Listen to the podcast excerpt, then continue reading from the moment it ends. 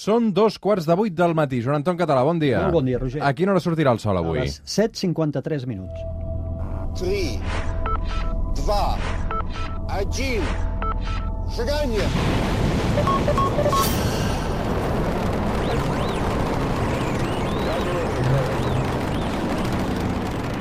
One small step for man, one giant leap for mankind. Joan Anton, com anem? Molt bé, anar fent. Com va la vida? No ens podem queixar. Sí, això està bé. El Joan Anton Català, ja ho sabeu a aquesta hora, la Terra és plana, aquest espai de ciència, d'astronomia, que fem a l'hora que surt el sol. Eh, avui encara el sol encara no el tenim aquí. D'aquí poc també tenim a finals de mes el canvi d'horari. Mhm. Sí. Escolta'm, eh, et posaré aquesta sintonia a veure què et sembla, d'acord? Val. Estàs en situació? Oh, totalment. Què és totalment. això? Això és la sintonia del programa. No, això és la sintonia de Stranger Things, Sí, ho sé, que ho sé. nosaltres l'hem agafat Ho sé, també ho sé. per fer el programa. Ho sé. Ah, per què et poso aquesta sintonia ara en primer pla d'alguna manera? Doncs perquè aquesta setmana eh, Netflix ha anunciat oficialment ja que Stranger Things tindrà quarta temporada, quarta ja. Eh, per això avui amb el Joan Anton Català hem decidit mirar d'explicar d'alguna manera com funciona aquest món d'aquesta sèrie que ja s'ha convertit en icònica i quan parlem de sèries, el suplement... Marta Ferrer, bon dia i bona hora. Hola, bon dia. La Marta Ferrer, que és eh, guionista d'aquest espai i també eh, seria fila de mena. Per tant, avui, amb la Marta Ferrer i amb el Joan Anton Català, universos paral·lels. Perquè, de fet, Marta, eh, recordem una mica de què va això de Stranger Things, situar una mica els oients, amb tres temporades ja, que al final, sobretot la primera està molt marcada per aquest univers paral·lel i la segona també, no? Exacte. La primera temporada parteix de la premissa que el Will Byers, que és un jove noi del de, poble de Hawkins, Indiana, desapareix un bon dia i no se sap ben bé per què ni on ha anat a parar. Llavors, els seus amics, la seva mare, la seva família i el xèrif del poble es dediquen a buscar-lo i mirar d'entendre aviam què li ha passat. Entre tot això, es troben una nena, que és la Eleven, que no té més nom que aquest, que sembla que té una mena de poders especials, una Sí. mena de telequinesi amb la que pot veure objectes i que d'alguna manera estaria relacionada amb aquesta misteriosa des desaparició de Will Byers. Què passa? Que al final de la primera temporada, i això és un spoiler per qui no l'hagi vist, però bueno, ja fa bastants anys que no, ha sortit, no, o sigui, la primera temporada es pot fer spoiler, Sí, es ja. pot fer spoiler. Uh, passa que al final descobrim que el Will està en una espècie d'univers, una espècie de dimensió alternativa paral·lela al món en el que viuen els personatges, que es coneix com l'Upside Down, Mhm. i han d'anar a rescatar-lo d'allà. Avui intentarem eh, convertir tot aquest argumentari de Stranger Things què té de realitat, què té de ciència, tot això. Uh. -huh. uh, Joan Anton, tu ets un defensor d'aquesta sèrie. Uh, M'agrada moltíssim. No, només he vist les dues primeres, em queda per veure la tercera i ara amb la- l'anunci de la quarta ja aniré molt retrasat. En qualsevol cas, té molt de ciència aquesta sèrie, Joan Anton? A veure, té el concepte dels universos paral·lels, però a banda del propi concepte, t'haig de dir que tot el de més és, és molt, molt invenció, que està molt bé, és És fantasia. una ficció de dalt a baix, vull dir que tampoc absoluta. pretén res més que no sigui això. Absoluta, però és molt entretinguda i a mi la sèrie, com a sèrie, m'agrada molt. Doncs avui Stranger Things com a premissa també per aquests universos paral·lels. S uh, univers paral·lel és un terme científic o és un terme fictici? A veure, en principi és un terme científic. Uh, Fixa't, nosaltres sempre hem estat defensant, o almenys jo aquí al programa ho he parlat moltes vegades, de lo extraordinari que és el nostre univers, en el sentit de que sembla fet a mida per nosaltres. Han hagut de confabular un munt de paràmetres que, només que un d'ells hagués estat diferent, avui no hi seríem en aquí. Per tant, el que és lògic pensar és que uh, per què el nostre és l'únic univers?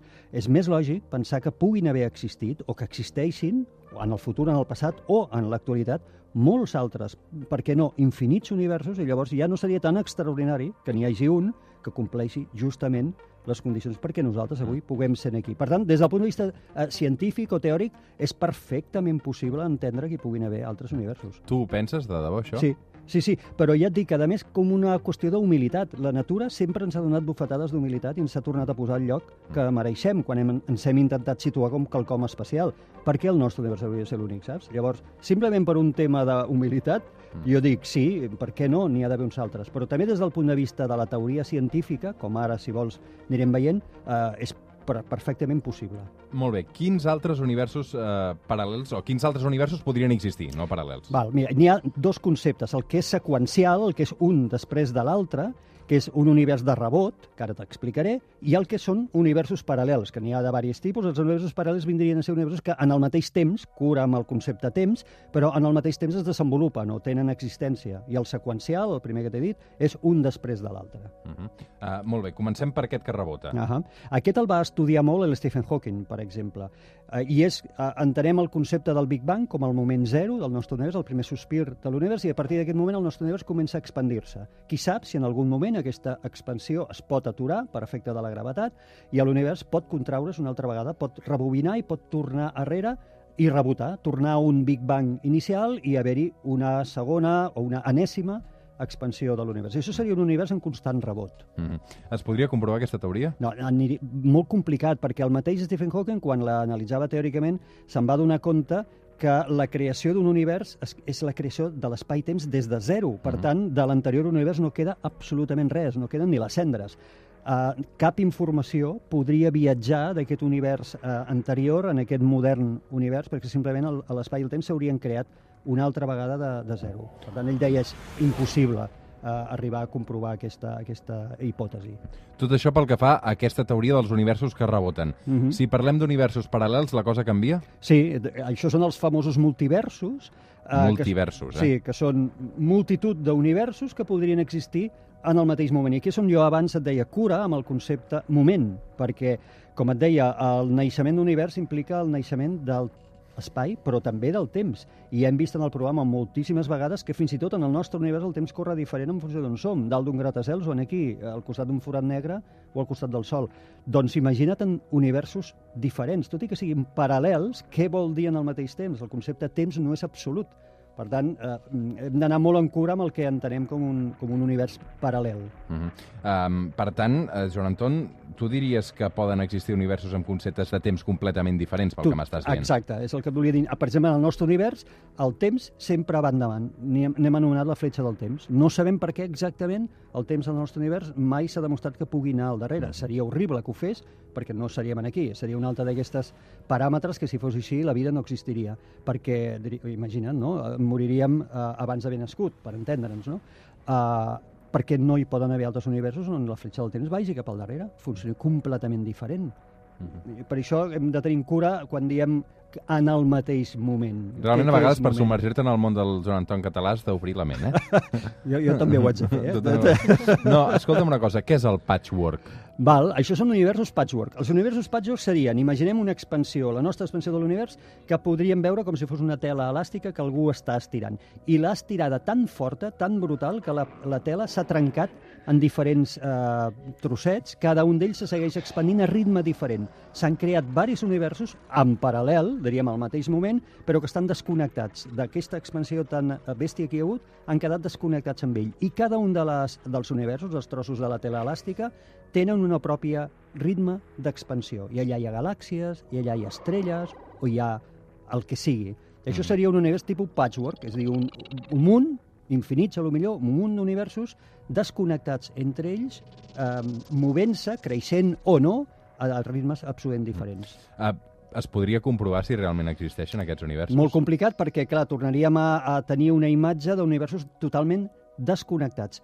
Aquí l'única esperança de poder descobrir mai aquest tipus d'universos seria que eh, xoquessin, que aquests universos ting tinguessin algun punt de contacte. Això podria provocar una mena de tremolors a l'espai-temps, com les zones gravitacionals, que alguna vegada n'hem parlat, que podríem arribar a detectar, no avui, ni molt menys amb la tecnologia que tenim avui impossible, però que en el futur eh, es pogués arribar a detectar una sèrie de tremolors a l'espai que poguessin venir provocats per aquesta col·lisió entre universos que tenim al costat.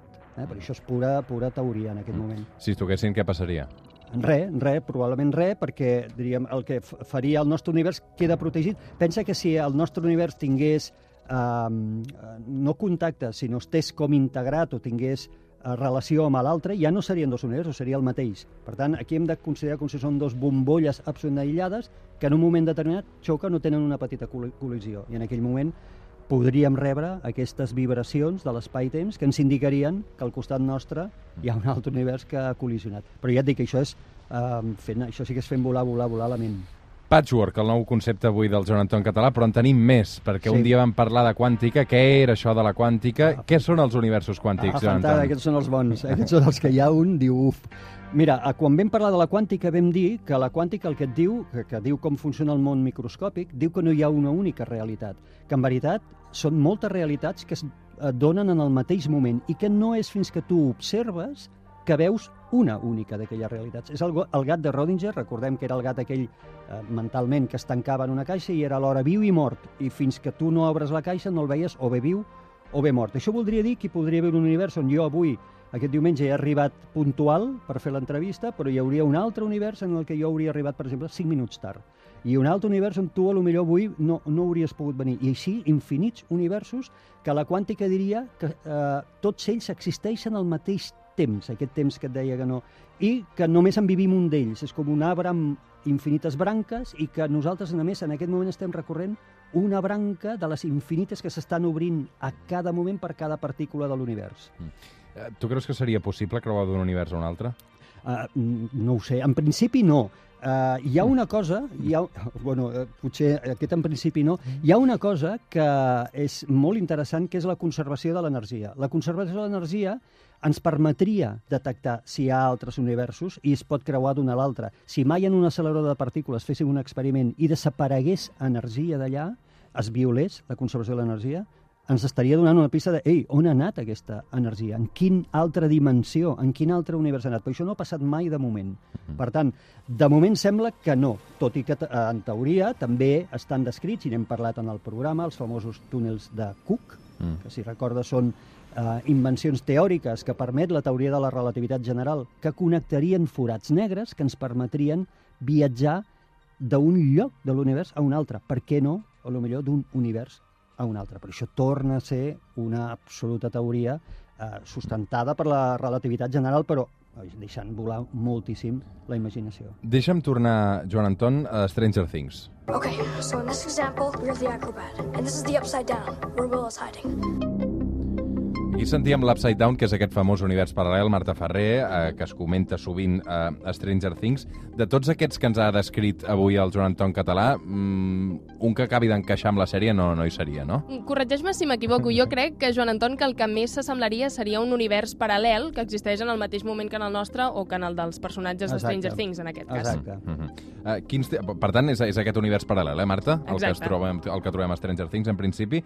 Um, arriben a explicar mai uh, per què passa això dins de Stranger Things? Què és aquest Upside Down? Sí, a la primera temporada hi ha una escena eh, bastant mítica que segur que els fans de la sèrie recorden, en què els tres protagonistes, el Mike, el Dustin i el Lucas, pregunten al seu professor de ciència precisament quina possible explicació pot tenir aquest Upside Down per mirar d'arribar cap al Will. De fet, el, el professor de ciència cita el nostre estimat Carl Sagan, que és Home. un científic que aquí citem uh, sovint. Qui era Carl Sagan, Joan Anton? Home, aquest és el referent de la divulgació científica, un astrofísic americà que va, bueno, va fer moltíssimes coses, aquí no les anomenem, però és el referent mm, absolut de la divulgació científica. Per tant, aquest professor dins de la sèrie cita Carl Sagan per explicar Exacte, ell cita la, la teoria del multivers, que és això que acaba d'explicar el Joan Anton, i ho explica i ho il·lustra tot amb una metàfora molt fàcil, que pels nens és molt, fa- molt fàcil d'entendre, però sobretot per l'espectador també és molt fàcil d'entendre, que és la de l'acròbata i la puça.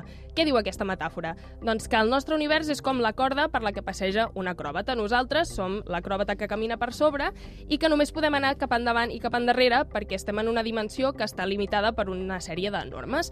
Però què passa si al costat d'aquest acròbata hi ha una puça? Doncs que la puça pot anar cap endavant, pot anar cap endarrere, pot anar pel costat d'aquesta corda i pot anar fins i tot per sota la corda sense cap mena de problema. D'aquí la idea de que va per sota la corda, per tant va de l'inrevés, i d'aquí la idea de que l'univers és upside down. Uh, jo aquí, el, puntualitzacions. És correcte, això jo, a més, veig que l'explicació que, van, que ells van donar és consistent en aquesta imatge d'un univers que correria en paral·lel en el nostre.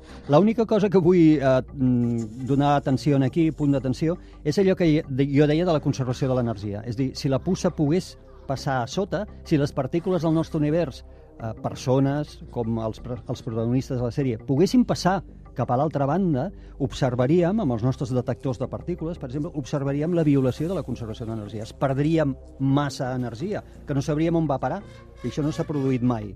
Per tant, eh, el que semblaria és que, tot i que puguin existir altres universos, la possibilitat de passar d'un a l'altre és en el que en aquest moment no tindríem clar que pogués ser.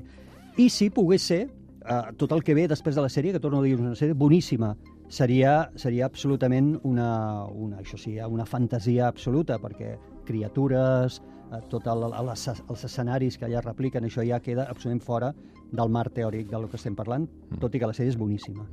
El dilema de la primera temporada és com arribar en aquest univers paral·lel, no? Exacte. que físicament s'assembla molt al, al, al nostre, Exacte. és més fosc. És un Upside Down que d'alguna manera és un reflex gairebé exacte de l'univers en què viuen els personatges, perquè veiem que el poble està tal qual, el que passa és que sí que és veritat que hi ha algunes plantes així més estranyes, és un univers més fosc, sembla que la quarta temporada s'endinsarà molt més en, en el que és, és l'Upside Down, en com ha sorgit, si hem de jutjar pel teaser, però clar, la, el gran dilema és aquest del que parlava ara justament el Joan Català, de com passem d'un univers a l'altre. Clar, nosaltres tenim un personatge que és la Eleven, que és un vincle mental entre una dimensió i l'altra, però que també és la persona que pot creuar a l'altre univers. Per què? Perquè gràcies als seus poders ha obert una espècie de portal, una espècie de, de, de trencament que diuen ells entre l'espai-temps, amb què eh, els científics que estan buscant aquest Upside Down i després més tard molts dels personatges acaben passant d'aquest univers eh, estàndard, diguéssim, de la sèrie fins a aquest Upside Down. Clar, què passa? Que quan comencen a veure eh, i comencen a preguntar als nens, sobretot, com es pot arribar a, a fer aquest trencament entre l'espai i el temps, el mateix professor de ciència els explica una cosa molt similar a la que explicava ara el Joan Anton Català, que suposaria aquest trencament eh, una disrupció molt forta de la gravetat i fins i tot una, una disrupció tan gran que seria capaç de xuclar els mateixos personatges capendins com si es tractés d'un forat negre. Joan Anton, què? Re, res a dir. No, I tant que tens coses a dir. Res a I dir. tant que tens coses a dir. No. No. Moltes felicitats als guionistes, no? Primer, sí, però per tot, eh? per la sèrie, perquè ja et dic que és boníssima, tot i que haig de dir que la segona temporada mi em va semblar una mica més fluixa que la primera. Sí. Uh, però sí que és veritat, tot aquest instrument que ells posen d'un portal mental en el que pot haver una transició d'un univers a l'altre, que seria similar al que la Marta ara deia, no? com si s'obrís una nova dimensió, això està molt ben trobat. Uh, la similitud en un forat negre eh? està molt ben trobat, perquè, de fet, no sabem què succeeix dins un forat negre. Quan la matèria desapareix dins un forat negre no sabem on va a patar. Podria anar patant un altre univers, no ho sabem. Però a, a partir d'aquest punt, tot el de més és pura ficció, perquè el que deies ara, no? Les, la, una, un, un paisatge fosc, però rèplica de l'actual amb criatures... No, bé, això, això ja queda absolutament fora d'aquest marc que dèiem ara, eh, teòric imaginatiu de la física. Avui amb el Joan Anton Català i amb la Marta Ferrer hem volgut retratar què és el que passa en aquests universos paral·lels de Stranger Things, quin podria ser un univers paral·lel als diferents universos que, que tenim més enllà d'aquests que, en, que ens ensenya la ficció.